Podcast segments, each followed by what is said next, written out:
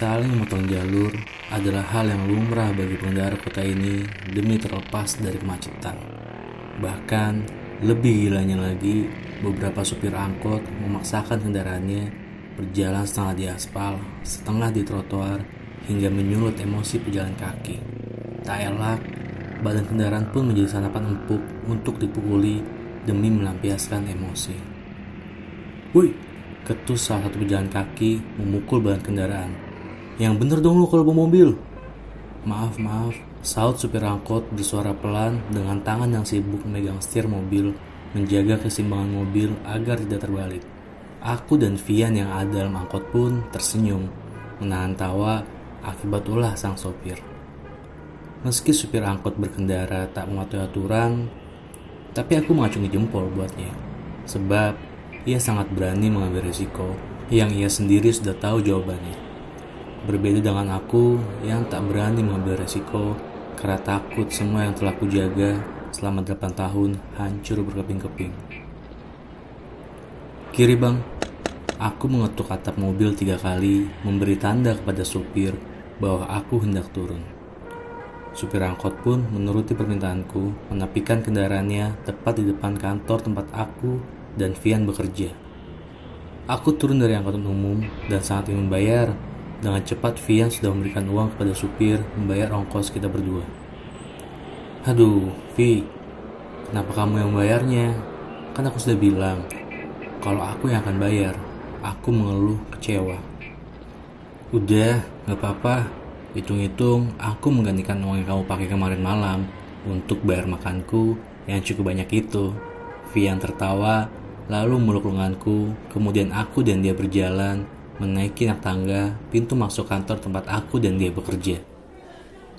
Vian terus memeluk hingga kami naik lift dan tiba di depan studio tempat kami bekerja sebagai penyiar radio. Berjalan dengan lengan di peluk Vian sebenarnya sedikit membuatku senang. Namun cukup risih ketika ada teman kantor yang cemburu melihatnya. Sebab Vian adalah primadona kantor yang diperbutkan banyak karyawan. Bahkan dulu ada seorang penyiar yang cemburu padaku dan ia lebih memutuskan untuk pindah ke radio lain karena terlalu sakit melihat kedekatanku dan Vian. Namun, sakit yang orang itu rasakan masih belum mampu menyayangi sakit yang aku derita. Aku merasakan sakit selama 8 tahun karena berteman dengan Vian. Rasa sakit itu bukan karena aku selalu dicurangi olehnya, melainkan aku harus melupakan perasaan yang terjaga selama 8 tahun terhadapnya. Hal itu harus aku lakukan karena Vian memposisikanku sebagai penjaga hatinya, bukan pengisi hatinya. Akan tetapi, pagi ini aku akan mencoba mengucapkan semua perasaanku yang telah kusimpan sangat rapat, serapat ia menutup pintu hatinya untukku. Saat masuk ke studio, produser menyebut kita, memberikan tiga lembar naskah untuk hari ini yang bertemakan menyatakan perasaan. Aku tersenyum baca naskah itu. Aku seperti diberikan kemudahan untuk menjalankan tujuanku. Weber, malah senyum-senyum. Ujar produser melihatku tersenyum tanpa alasan. Siap-siap sana lu. Dua menit lagi, udah on air nih. Produser mendesakku untuk segera bersiap-siap karena waktu siaranku sudah mepet. Aku duduk di kursi tempat siaran, headphone ku kenakan, produser menghitung waktu mundur, dan siaran pun dimulai.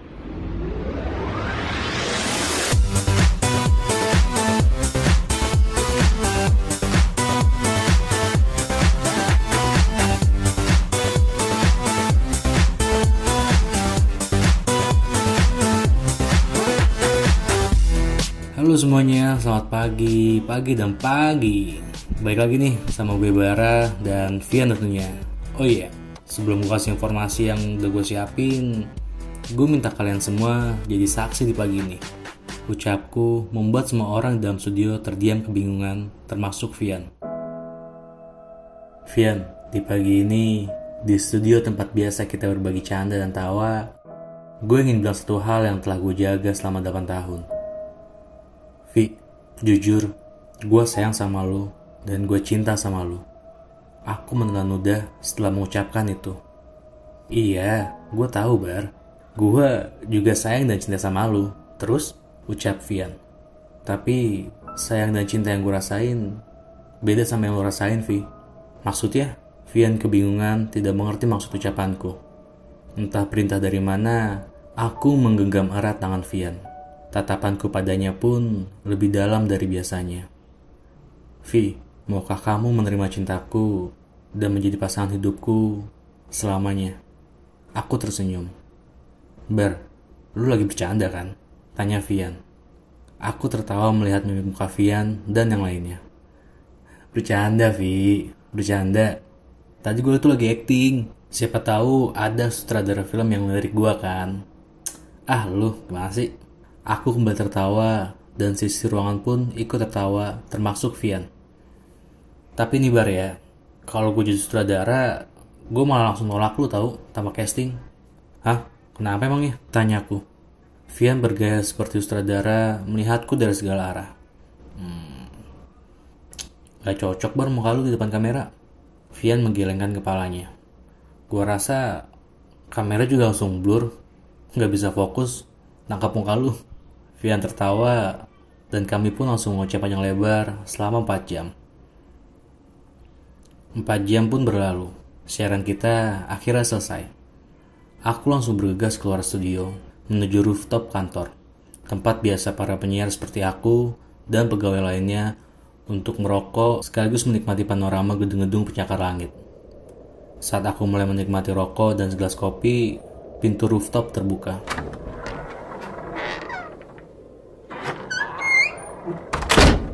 Ternyata yang mukanya adalah mantan rekan siaranku yang akan siaran dua jam lagi. Melihatku sedang bersantai, Ramon langsung menghampiriku. Diletakkannya segelas kopi miliknya di sebelah milikku, lalu ia menyalakan rokok.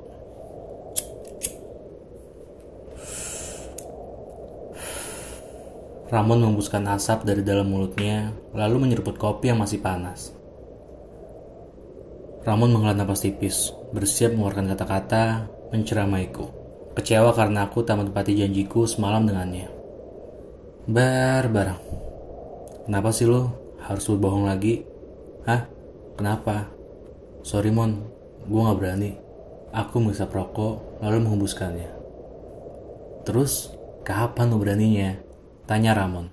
Mungkin esok, atau lusa, atau entahlah, aku menjawab singkat. Ber, semakin lama lu menyimpan perasaan itu, semakin lama juga rasa sakit itu tinggal.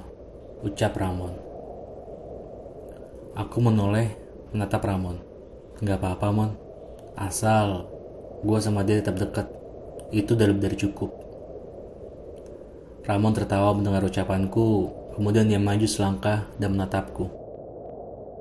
Ber, rokok ini terbakar karena ada yang menyulutnya dengan api. Ramon menunjukkan rokoknya ke arahku. Begitu pula dengan sepasang kekasih. Ada karena seseorang menyatakan perasaannya. Dan lu gak akan bisa memiliki dia kalau lu gak menyatakan perasaan lu pada Vianber. Ramon kembali menghisap rokok dan maju selangkah makin dekat denganku. Ber, jangan buang kesempatan yang lu punya. Karena bisa saja itu kesempatan terakhir lu untuk memilikinya.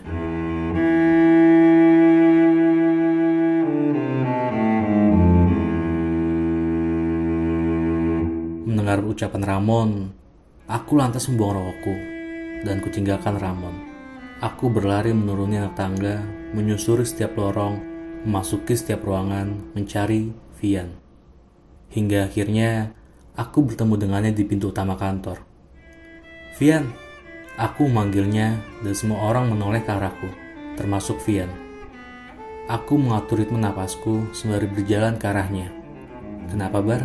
Tanya Vian.